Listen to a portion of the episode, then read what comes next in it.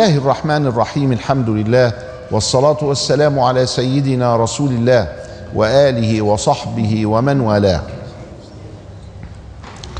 مع أنوار النبي المصطفى والحبيب المجتبى صلى الله عليه وآله وسلم وسيرته العطرة نعيش هذه اللحظات. عسى أن يجعله ربنا يوم القيامة لنا شفيعا. وبذكره تتنزل الرحمات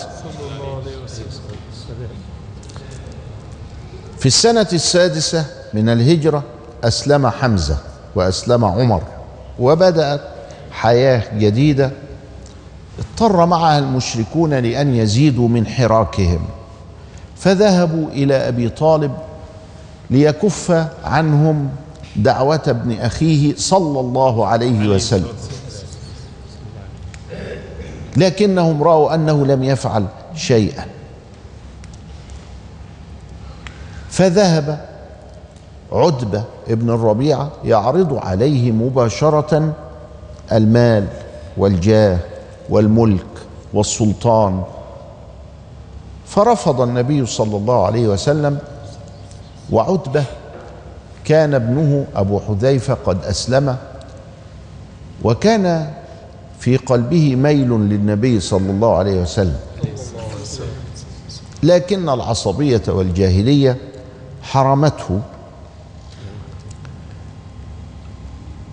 والوليد بن المغيرة وقد أسلم خالد بعد أحد وأسلم ابنه الوليد قديما الوليد بن الوليد. ذهبوا إلى النبي صلى الله عليه وسلم يجادلونه ولكنه رفض هذه المداهنة. ودوا لو تدهنوا فيدهنون. شعر أبو طالب بعد حادثة من أبي جهل أنه رأى النبي صلى الله عليه وسلم ساجدا فأراد أن يقتله بحجر. وذهب إلى النبي بالحجر ثم إنه ألقى الحجر وولى الفرار. أبو جهل. فقالوا ما لك يا أبا الحكم؟ فقال لقد رأيت فحل إبل يكاد يلتهمني ما رأيت أكبر منه قط وما رأيت صلبا أعظم من صلبه. فلما أخبروا النبي صلى الله عليه وسلم بما قال أبو جهل يعني تبسم وقال هذا جبريل والله لو قاربني لأخذ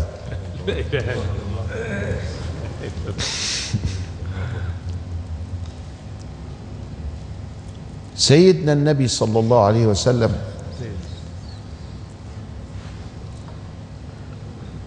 في هذه السنة تعرض لهذا الموقف. تعرض أيضا لعقبة بن أبي, أبي معيط في محاولة قتله.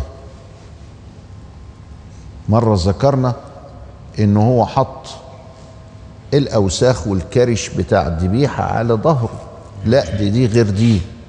ده جاءه وهو ساجد بعباءته ولفها على عنقه وجلس يخنقه. حتى جاءوا إلى أبي بكر وقالوا أدرك صاحبك.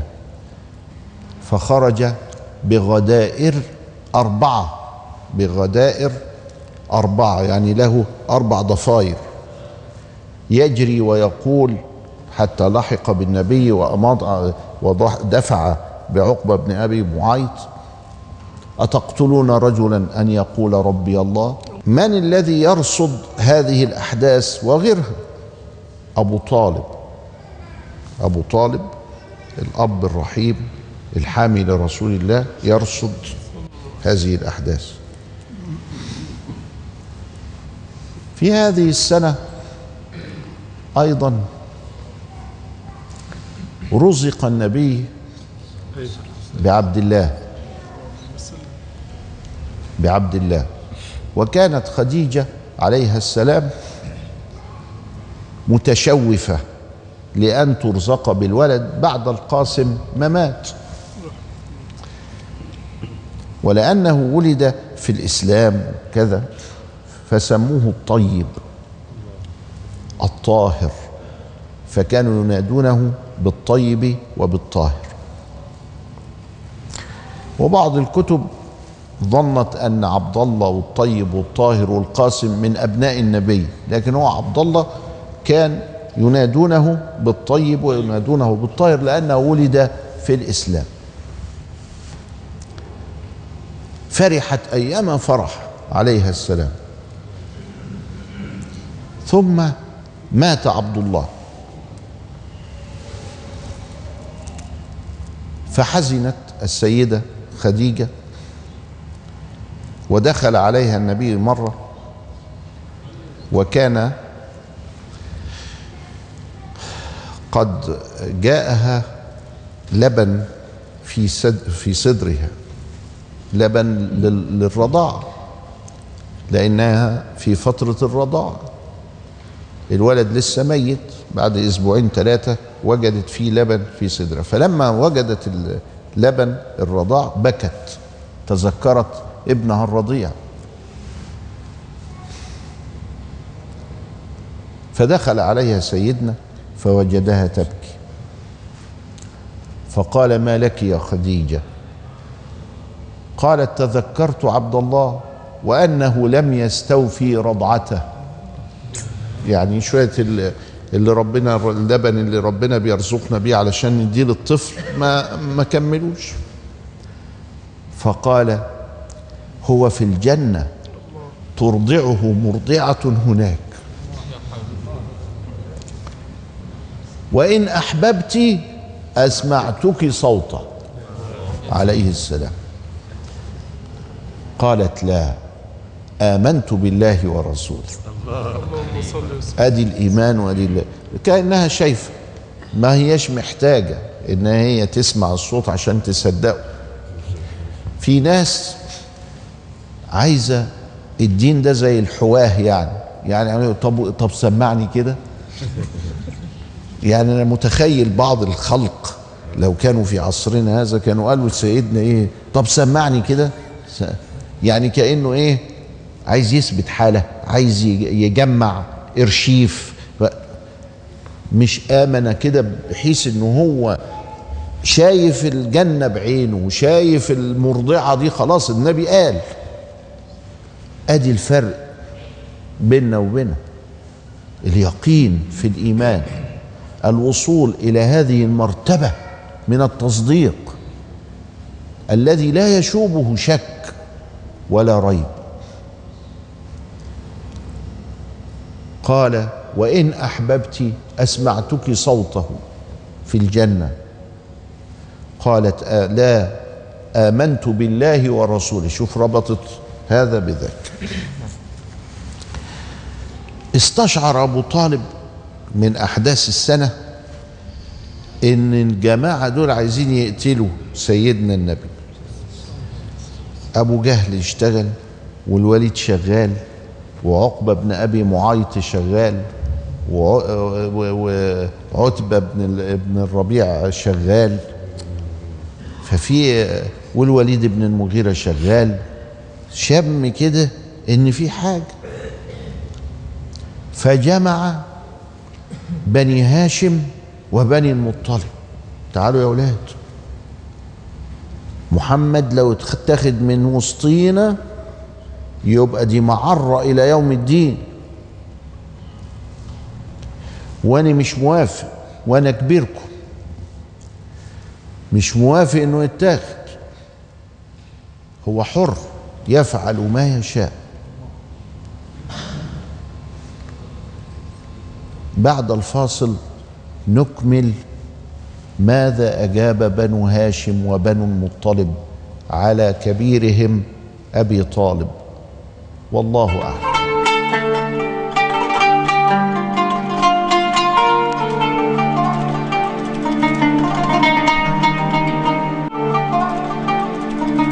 بسم الله الرحمن الرحيم الحمد لله والصلاة والسلام على سيدنا رسول الله وآله وصحبه ومن والاه. جمع أبو طالب بني هاشم وهم الأقرب وبني المطلب أيضا من بني عبد مناف وطالبهم بحماية النبي صلى الله عليه وسلم فلبى مسلمهم وكافرهم. لبى مسلمهم وكافرهم. ده بيعلمنا النبي لما أعيش في بلاد غير المسلمين أعمل إيه؟ ما قطعش الأوازن. الله. ده استعانه بالمسلم واستعان بالكافر واستعان بالقريب واستعان بالبعيد. حياة. بعض الناس بيصوروا الإسلام على إنه يحتاج إلى حياة خاصة. لا الإسلام موجود في كل العالم سواء كنت في بلاد الكفر أو في بلاد الشرك أو في بلاد بتحارب الإسلام أو في بلاد مع الإسلام أو في بلاد مختلطة فأنت تستطيع أن تقيم الإسلام لأن سيدنا النبي ترك لنا نموذجا لكل شيء ومن ضمنها هذا. عاش. وحماه بنو طالب بنو هاشم وبنو المطلب. أخذ العهد عليهم أبو طالب ومضت بالشكل ده سنة ستة ودخلنا في سنة سبعة. اجتمع المشركون من قريش. هنعمل إيه؟ الراجل ده نصحناه ما انتصح. حاولنا نقتله مفيش فايدة.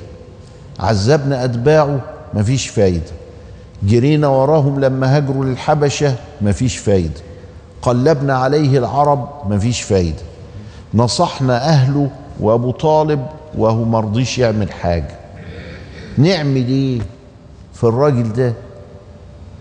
وده كل يوم الناس بتزيد عليه. وإحنا بقى ابتدينا نخاف. إحنا دلوقتي في سنة كام؟ سنة سبعة. إحنا قلنا إيه؟ قلنا ان في ثلاث سنين. وان في سبع سنين وان في ثلاث سنين. ثلاث سنين الأولانيين سر. بعد كده بقت الدعوة جهرية بس لسه شوية بشوية لغاية عمر وحمزة ما دخلوا بقت اللي هي في سنة ستة. من سبعة لعشر خلصنا المرحلة التانية كده. من سبعة لعشرة قالوا طب نعمل إيه بقى فيهم؟ قالوا نحاصرهم ونحطهم في شعب الجبال. في شعب الجبال الشعب. وكتبوا صحيفة. كتبها واحد سبحان الله ما هو ربنا كريم اسمه بغيض ابن عامر. بغيض. بغيض يعني حاجة قبيحة. اسمه كده. سبحان الله. يعني ما. بغيض ابن عامر. يعني ما. بغيض. آه اسمه كده. بغيض ابن عامر. ودعا رسول الله صلى الله عليه وسلم عليه فشلت يده. سيدنا النبي كان مستجاب الدعاء. كان لما يدعي يستجاب. مرة في الأذية وإحنا في سنة لسه في سنة ست. عتيبة الواد عتيبة. ابن أبي لهب. عتيبة ابن أبي لهب. ده كان متجوز بنته. عتبة وعتيبة. رقية وأم كلثوم. كان الواد عتيبة ده متجوز أم كلثوم لأنه ملوث لوثة أبوه في بغض النبي أو هذه الفورة الموار ما كانوش عارفين يعملوا إيه. الحقيقة يعني. فعتيبة قال له أنت مش هتخلصنا بقى من القصة بتاعتك دي؟ وراح مزق قميصه قميص سيدنا النبي. وجاء الخبيث يتفل على وجه النبي فلم تصل التفلة. التفلة وقعت كده بعيد. فالنبي عليه السلام قال له إيه اللي أنت عملته ده؟ أنت دلوقتي قطعت القميص بتاعي وبتف عليا كمان. سيأكلك كلب من الكلاب. يلا. سيأكلك كلب من الكلاب. فلما قال له رسول الله هذا يعني سخر منه ومشي وبتاع لكن في قلبه إنه هو هيتقتل بالشكل ده. وذهب في رحلة إلى الشام ونزل بالزرقاء. الزرقاء دي تلاقيها في الأردن دلوقتي.